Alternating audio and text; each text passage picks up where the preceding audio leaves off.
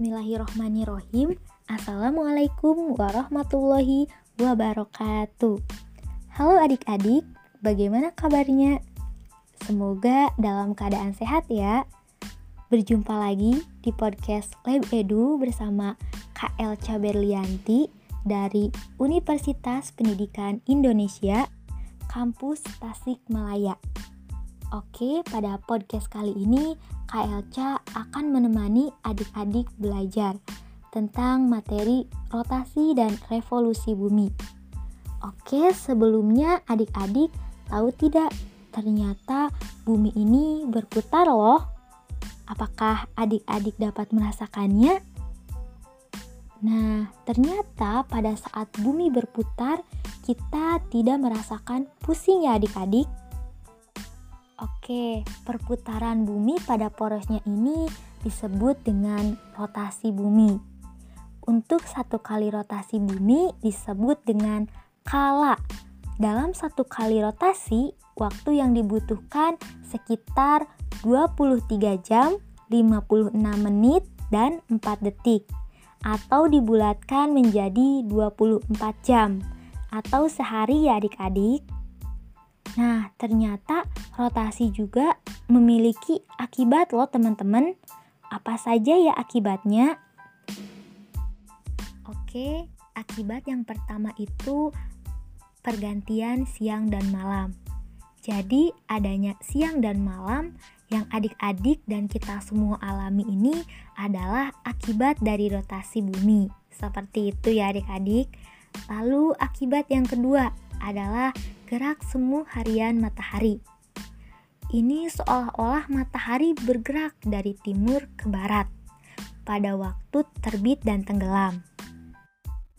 Nah, saat pagi hari seakan-akan matahari muncul dari timur dan sore hari matahari akan terlihat seperti menghilang ke arah barat.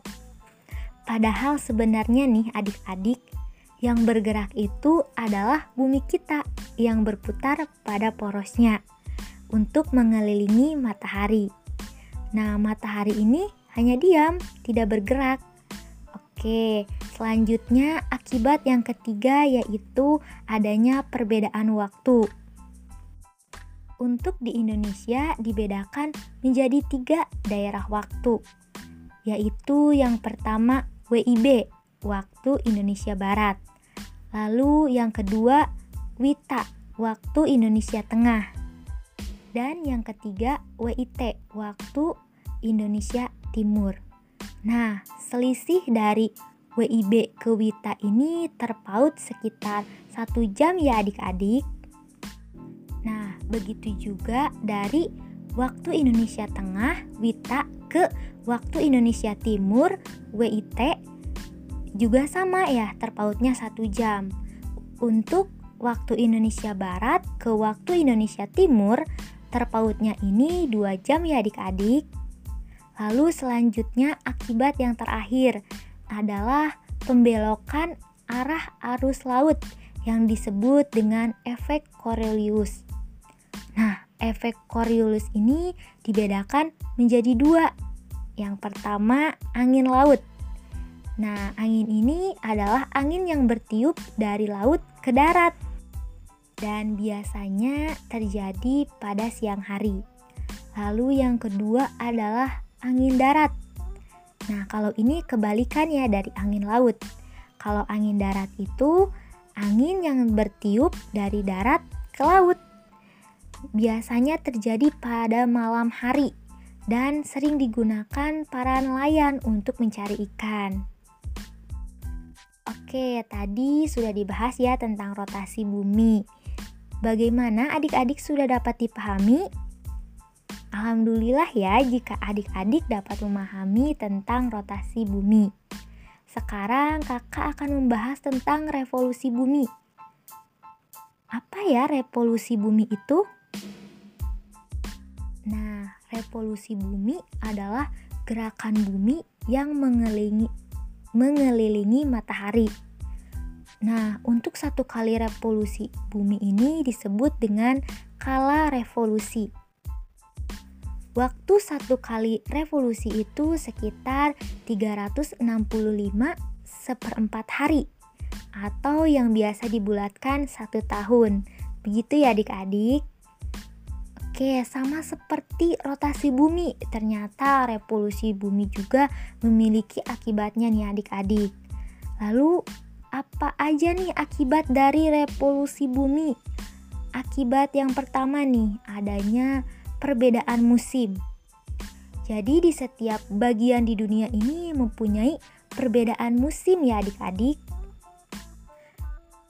Nah, ada beberapa negara seperti Korea Selatan, Jepang, Amerika Serikat mengalami empat musim, yaitu musim semi, musim panas, musim gugur, dan musim dingin. Nah, sedangkan negara yang di dekat garis katulistiwa hanya memiliki dua musim, yaitu musim hujan dan musim kemarau, seperti Argentina, Brazil, dan negara-negara di Asia Tenggara. Seperti negara kita ini, negara Indonesia hanya memiliki dua musim. Oke, selanjutnya akibat yang kedua adanya lamanya siang dan malam. Lalu akibat yang ketiga adalah gerak semu tahunan matahari. Lalu yang keempat perubahan penampakan rasi bintang.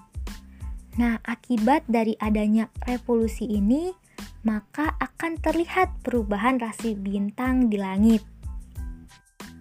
Nah, perubahan rasi bintang inilah yang kemudian digunakan sebagai tanda zodiak seperti Scorpio, Libra, Capricorn, dan lain sebagainya.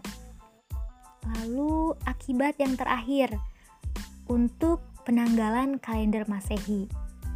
Nah, kala revolusi bumi adalah 365 seperempat hari, karena adanya perbedaan seperempat hari ini, maka memudahkan penanggalan dibulatkan sehingga menjadi 365 hari.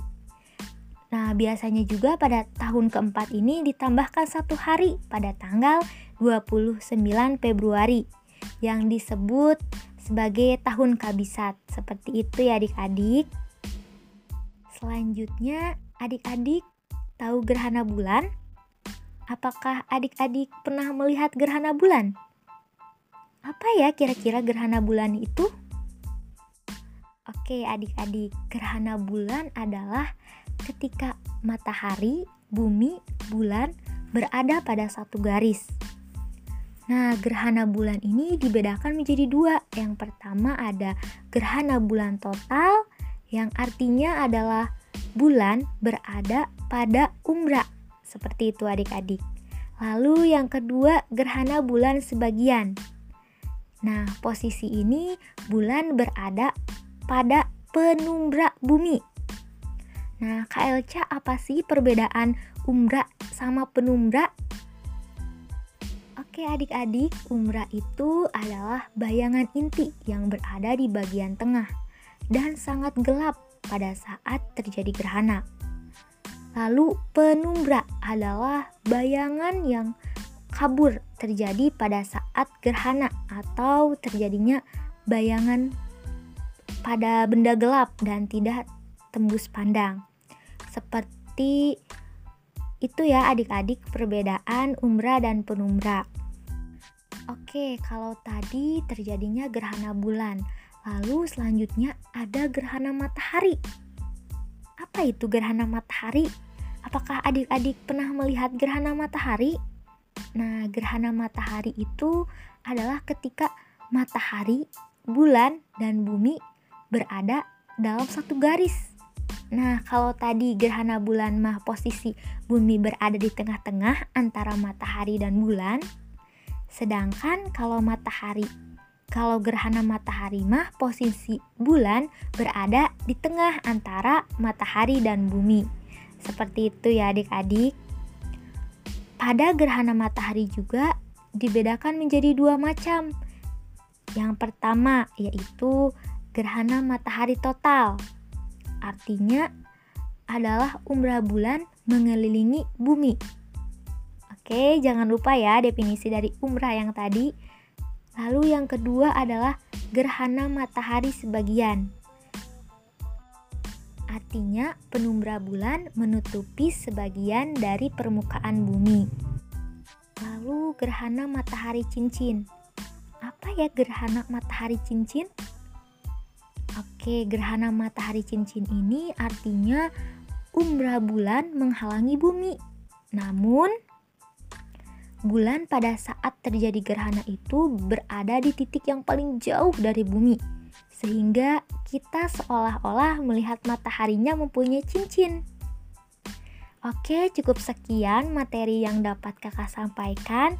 Mohon maaf bila ada kesalahan dalam pengucapan, dan semoga podcast ini dapat bermanfaat bagi adik-adik tentunya, dan teman-teman semua yang telah mendengarkan sampai habis. See you in the next podcast. Wassalamualaikum warahmatullahi wabarakatuh.